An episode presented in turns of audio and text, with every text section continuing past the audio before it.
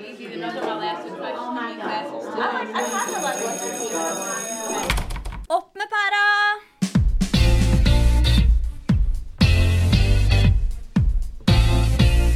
Velkommen til Opp med pæra.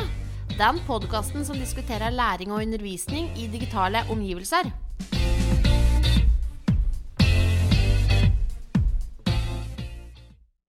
Vi er en gjeng studenter, lærerstudenter, som holder til på Campus Notodden, eh, USN, og eh, tar utdannelse for å bli lærer på 5. til 10. trinn. Temaet vårt i dag er demokrati og digital danning, og da litt spesifikk sosiale medier. Og vi har som målgruppe for denne podkasten i dag hovedsakelig andre lærerstudenter. Vi syns det er viktig å kanskje dele litt våre tanker om det her, også ut ifra delvis av vår erfaring i klasserommet og våre erfaringer og tanker som rett og slett studenter. Eh, Vi kan kanskje ta en liten runde, så kan alle presentere seg litt mer enn bare med navnet som du ga, Esten. Vi kan begynne med deg her borte. Jeg heter Esten Ole, er fra Tolga, nord i Hedmark. Eh, 32 år. Ja, hei, takk for det. Jeg heter William, og jeg er lærerstudent her på USN Notodden. Og bor i Skien. Jeg heter Marte. Eh, Jeg er på første året på lærer lærerutdanningsstudiene. Og eh, er 28 år. Og jeg heter Merete Mio Johansen. eh, Skal være ordstører i dag. Og eh, er student her også, og eh, bor i Oslo. Da har vi en liten instruksjon på oss alle sammen. Eh, Vi har jo også diskutert litt om demokrati i forkant, men er det noen som har lyst til å si en liten ting om hva man tenker når man hører ordet demokrati? Kanskje en liten slags definisjon? Eller så kan vi jo rett og slett si det at eh, Demokrati handler om medbestemmelsesrett som et stikkord. Er det noen som er enig eller uenig i det? Nå ser jeg litt rundt meg på de forskjellige ansiktene. Esten? Ja, jeg er enig i at medbestemmelse er vel en viktig del av det med demokrati. Absolutt. Marte, har du noe å tenke om det? Nei, ikke utover eh, Det er dette med medbestemmelsesrett og Det er vel hovedsakelig det, det aller viktigste, da. Ja, det er det demokrati handler om. Heldigvis så bor vi i et demokrati. I den forbindelse så tenkte jeg at vi skulle snakke litt om medbestemmelse for elever. Og mange elever syns det er viktig å få muligheten til å bestemme over sin egen hverdag. De har jo veldig mye kompetanse og påvirkningsmulighet gjennom forskjellige medier. Um, I alle de sosiale mediene som finnes. Greta Thunberg er et eksempel på hvor man kan påvirke og påvirke på veldig mange muligheter, og ikke minst skolehverdagen sitt. For hun har jo vært med å påvirke at veldig mange elever eh, de tar en fredag i måneden og setter seg ned og streiker. For de vil ha en annen skolehverdag for å vise meningene sine. En annen måte man kan nå ut på gjennom sosiale medier, er jo at eh, ungdommer i andre land som ikke har så mye demokrati, ser gjennom sosiale medier hvordan man kan påvirke, og hvordan andre ungdommer har det. Så de er jo med å påvirke hverdagen sin på en eller annen måte. Hvordan kan man bruke medier til å påvirke? Eh, Jeg tror jo at det er noe av kjernen i det. Med at elever kan og bør lære hvordan de kan påvirke, men at de òg må være veldig bevisst på hvordan de påvirker, og hvem de lar seg påvirke av. I forhold til at det er veldig lett å spre en halvsannhet og gjøre det til en sannhet. Da, okay. da snakker du om en av de tingene som var litt eh, lenger nede med at demokratiet handler også om å ha retten til å si sin mening med sosiale medier, sosiale dannelser. Alle kan jo si sin mening, enten de er rasistiske, eller om de er fordomsfulle, eller om man har muligheten til å, til å ha en helt annen mening. Um, demokratiet handler jo om retten til å være uenig og til å si hva man vil, i hvilke medier man vil. Er det noen fordeler eller ulemper med det? Du, det er klart at eh, det er både fordeler og ulemper med en sånn ting. Eh, de mest åpenbare fordelene er at det er en frihet for samfunnet. At man ikke er et undertrykt folk. Eh, ulemper går eh, gjerne på rasisme, eh, som var nevnt, som lett kan bli spredd på alle plattformer, og også påvirke i negativ forstand. Og øke oppslutning rundt eh, nynazisme, rasisme og antisemittisme, f.eks.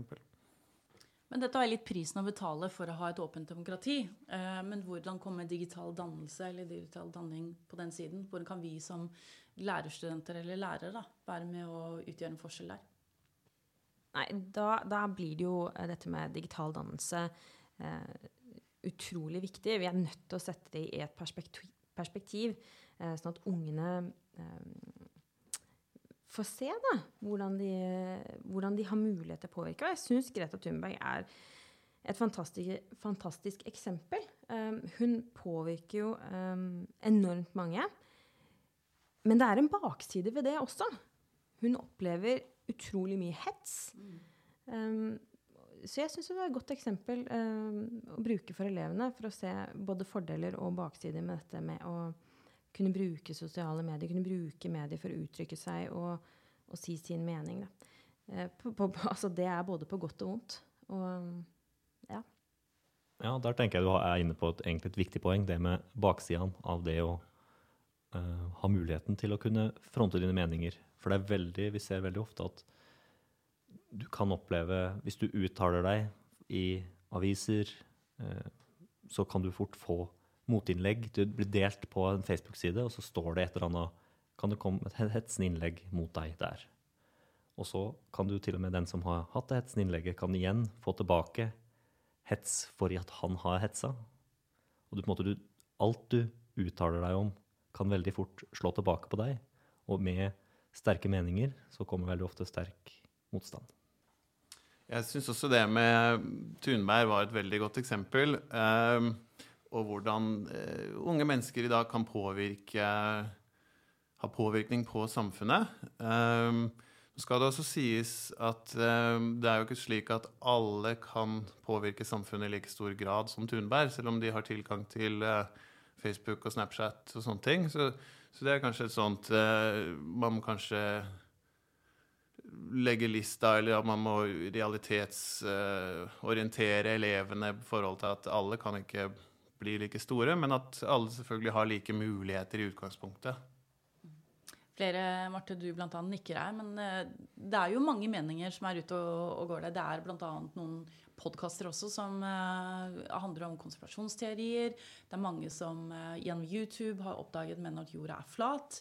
Um, og hva er det som er viktig å tenke på da i forhold til det? Uh, skal man bare kunne lese og se hva som helst, eller tenker du noe av viktigheten av kildekritikk?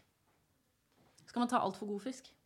Altså, her har vi som lærerstudenter og fremtidige lærer um, et stort ansvar, mener jeg, da, med å vise elevene hva som er god kildekritikk. Um, og nei, det, det, det, I dagens samfunn så er det ikke noe som er så viktig som det. Uh, Dobbeltsjekk alt alltid. Men uh, jeg, har ikke noen flere tanker om det akkurat nå. Det Marte sier om kildekritikk, at man skal tenke gjennom det er, hvor det er man får informasjonen fra, er jo kjempeviktig. Jeg har jo selv på et vis tatt for god fisk når jeg har hørt på en podkast og tenkt at ja, det høres logisk ut. Det Ok, kanskje det er sånn det er. Og så kan det jo være at ting i den podkasten er Det er sanne ting som blir presentert. Men så i tillegg så kan det krydres med noe som kanskje er en teori som de bak podkasten har bare tenkt ut. For jeg har ikke sjekka i ettertid er det sant at det skjedde. Og da blir det fort at jeg kan gå til mine venner og si at jeg hørte på en podkast, og der viste det seg at det var en som hadde gjort et eller annet som nødvendigvis ikke er sant. da. Fordi jeg ikke, vet ikke om det er sant. Men nå tror jeg det er sant. Ja, jeg er helt enig med dere alle tre her, tror jeg, og at det er superviktig. Um, jeg syns uh, for øvrig um, denne Lillestrøm videregående-saken i forhold til påvirkningskampanjen mot Senterpartiet Den må du ta. Ja, nettopp. Kan du bare ta en kjapp eh, på, eh, påminnelse for oss alle sammen? Ja, det, her gjaldt jo Vål, eh, eller Hval, i Folkeopplysninga. Et NRK-program som har gått på TV i, i flere år. Episodene blir vel sendt nå i høst, hvor da han programlederen vår og teamet hans i NRK bevisst prøvde å manipulere Lillestrøm skole, videregående skolevalg slik at Senterpartiet skulle bli det største partiet. Veldig, veldig mange interessante refleksjoner rundt eh, hvordan elevene og dette her eh, utspilte seg, og hva slags oppfatninger elevene hadde på dette her. Og den episoden der vil episode, NRK-episoden der med Folkeopplysningen vil være veldig relevant rundt eh, dette temaet her, tror jeg. Da. Så jeg gleder meg til den kommer ut, på, ut i høst. Essen, du ser ut som du brenner inn med noe. Nei, ikke annet enn at jeg òg er veldig fascinert og gleder meg veldig til å se den episoden. For å faktisk se hvor lett påvirkelig vi kan være. Og jeg tror at det er ikke mye om å gjøre at dette kunne skjedd i det virkelige liv. Hvis noen hadde villa det, så hadde de kunnet påvirke hele kommuner med eh, den type man skal kalle det propaganda, eller hva man skal kalle det. da. Ja, Hva annet skal man kalle det hvis det ikke var propaganda? For hva er egentlig propaganda? Propaganda er jo altså, mm, Det er et ord som man gjerne kanskje tenker for i forbindelse med annen verdenskrig. og sånn, men Propaganda handler jo om å få noen andre til å mene det samme som deg, og ha det vinklet veldig klart og tydelig. Og det ser man jo i forskjellige typer sosiale medier. Um, se ser jeg at uh, tiden vår den begynner å uh, komme til en slutt. Så uh, er det noen som har en liten sluttreplikk før, før jeg tar en liten oppsummering. Vi snakker litt om demokrati, kort digital dannelse, men det viktigste er kanskje å tenke gjennom sosiale medier og være kildekritisk. Helt, helt klart.